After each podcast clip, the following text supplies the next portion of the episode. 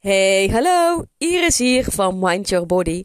Superleuk dat je luistert naar deze podcast. Wekelijks inspireer ik jou op het gebied van voeding en mindset. En ben jij benieuwd hoe het zou zijn om drie dagen lang één op één gecoacht te worden? Waarin we de Mind Your Body formule gaan toepassen op jouw persoonlijke situatie? Meld je dan aan voor de gratis Mind Your Body Tryout. Deze is binnenkort en er zijn maar een paar plekjes beschikbaar. Dus meld je snel aan via de link in deze podcastomschrijving. En vandaag wil ik het met je hebben in deze podcastaflevering over de invloed van sociale druk op ons eetgedrag. In deze podcast gaan we samen analyseren hoe sociale situaties en druk ons kunnen beïnvloeden als het gaat om onze eetkeuzes. En nog belangrijker, hoe ga je hiermee om tijdens de periode dat je graag wilt afvallen? Eten is vaak zoveel meer dan alleen brandstof voor ons lichaam. Het is een sociale activiteit en een manier om samen te komen, om te vieren en om te genieten. Maar dit sociale aspect kan soms leiden tot ongewenste druk op onze eetkeuzes. Je weet wel, die tante die elke keer blijft aanzuren dat je dat ene taartje moet pakken. Of die vriendin die zegt, nou, het is zo gezellig, zullen we echt niet een flesje wijn opentrekken? Mensen zijn namelijk van nature sociale wezens. Ons brein is geëvolueerd om zich te hechten aan sociale groepen, omdat dit vroeger essentieel was voor overleving. Dit groepsgedrag biedt dus veiligheid en zekerheid. Maar waarom is dat nog steeds zo? Ons brein heeft een ingebouwd mechanisme dat ons aanspoort om bij groepen te horen. Om eigenlijk niet buitengesloten te worden. Want in vroegere tijden was dat echt van levensbelang. Als je werd verstoten uit je stam of uit je groep, overleefde je het simpelweg niet. Dus het is begrijpelijk waarom we geneigd zijn om te doen wat anderen doen. Zelfs als dat tegen ons voorgenomen stap is om dat ene taartje of die ene zak chips af te wijzen. Want het eten in groepen is ook vandaag de dag nog diep geworteld in onze cultuur. Denk maar aan een samenkomen met familie, een feestje of een etentje met vriendinnen.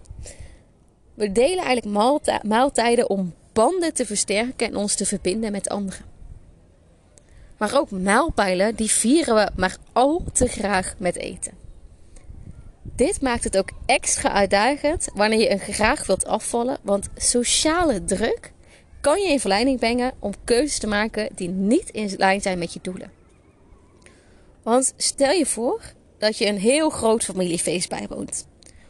Overal om je heen zie je heerlijke gerechten en desserts.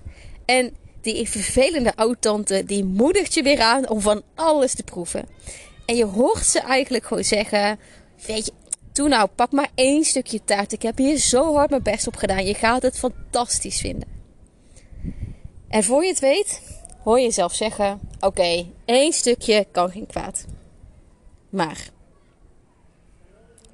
voor je het weet, heb je ook zoveel meer gegeten dan dat je in eerste instantie van plan was. Want bij dat ene stukje taart, daar blijft het niet. Gevolgen? Je voelt je schuldig en gefrustreerd omdat je je doel om af te vallen hebt verbroken. Sociale druk heeft je dus in verleiding gebracht. Maar niet alleen tijdens een feestje is dit het geval. Ook als je bijvoorbeeld met collega's bent, kunnen zij een enorme druk op je uitoefenen tijdens bijvoorbeeld de lunchpauze. Ze kiezen voor een fastfood optie op die vrijdagmiddag of in de kantine waar je normaal gesproken niet naartoe zou gaan. Maar je wilt niet buiten de groep vallen. Dus je stemt in, je gaat mee. Want wat zouden anders die collega's wel iets van je denken? Gevolg, je hebt een ongezonde maaltijd gegeten die niet past bij je doelen.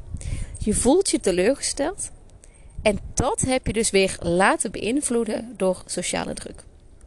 En nu kan een logisch gevolg zijn, of een logische gedachtegang, om te zeggen: Nou, weet je wat, ik ga al die sociale verplichtingen uit de weg. Ik schrap ze uit mijn agenda. Ik bedenk elke keer smoesjes dat het niet kan. Maar laten we eerlijk zijn: hoe lang hou je dat vol? En ten tweede, hoe ga je dan om met die sociale druk als je wel op je streefgewicht bent?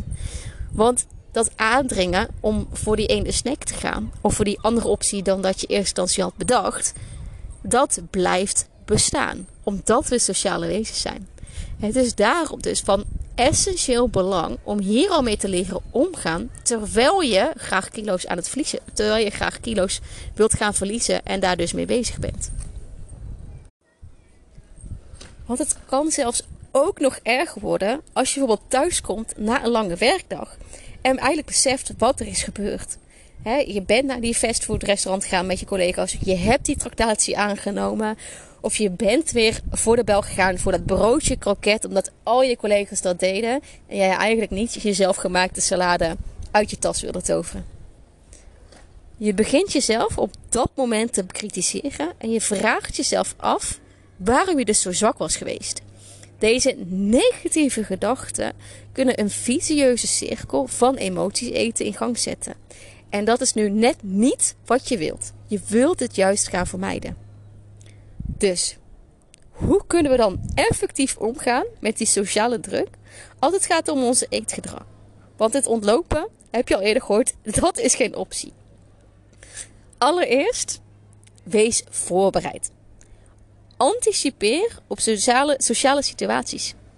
9 van de 10 keer overkom je ze niet en weet je ze al van ver van voren wanneer een sociale situatie gaat plaatsvinden. Zeker, wij Hollanders zijn gek om drie maanden alle feestjes vooruit in te plannen en alle weekenden te blokken. Zo'n sociale gelegenheid, die overkomt je dus 9 van de 10 keer niet. Ook niet als je weet dat daar sociale druk gaat plaatsvinden om eetkeuzes te maken. Dus een goede voorbereiding kan je dus helpen om sterk te staan in zo'n situatie. Bedenk dus van tevoren wat je graag wilt eten en hou je er ook aan. Wees niet bang om nee te zeggen als iets niet past bij je doelen of dat je denkt: ik heb hier gewoon oprecht geen zin in. Laat je vrienden en familie en collega's ook weten dat je graag wilt afvallen. Als ze begrijpen waarom je bepaalde keuzes maakt, zijn ze vaak ook ondersteunend in plaats van druk uitoefent. Echter, een kleine kanttekening hierbij. Want wat wel heel belangrijk is, is juist uit te leggen hoe, je ze, hoe ze jou hierbij kunnen helpen. Vaak hebben de meeste mensen in jouw omgeving nog een heel traditioneel beeld van hoe afvallen werkt. En denken dus dat als jij wilt afvallen, moet je minder eten en meer gezondere keuzes maken. En als ze jou dan een taartje zien eten of iets anders lekkers, denken ze dan: Huh? Maar je wil toch afvallen?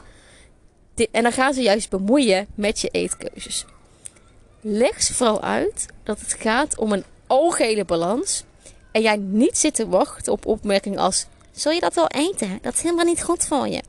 Omdat juist zulke opmerkingen averechts effect zal hebben op je eetkeuzes, op je gedrag, je denkwijze en hoe jij achteraf terugkijkt op zo'n sociale gelegenheid. Vertel ze dat jij prima in staat bent om eetkeuzes te maken in balans en wat jouw visie is op afvallen. Ga niet per se de discussie aan, hou het bij jezelf, want het is jouw reis, jouw persoonlijke reis naar jouw droomgewicht zonder dieet. En je hebt ook gewoon recht om te kiezen wat je eet. Laat je dus niet overhalen om iets te eten waar je achteraf, waar je achteraf niet achter staat. Zeg gewoon heel vriendelijk tegen een familielid, of vriendin of een collega. Heel duidelijk nee, als dat nodig is. Realiseer je dat sociale druk tijdelijk is. Maar de resultaten van jouw gezonde eetkeuzes in balans blijvend kunnen zijn. Werk dus aan het versterken van je mindset en de focus op je lange termijn doelen. Als jij geen nee durft te zeggen, dan is dat geen nadeligheid van jouw omgeving, maar een punt waar jij aan mag gaan werken.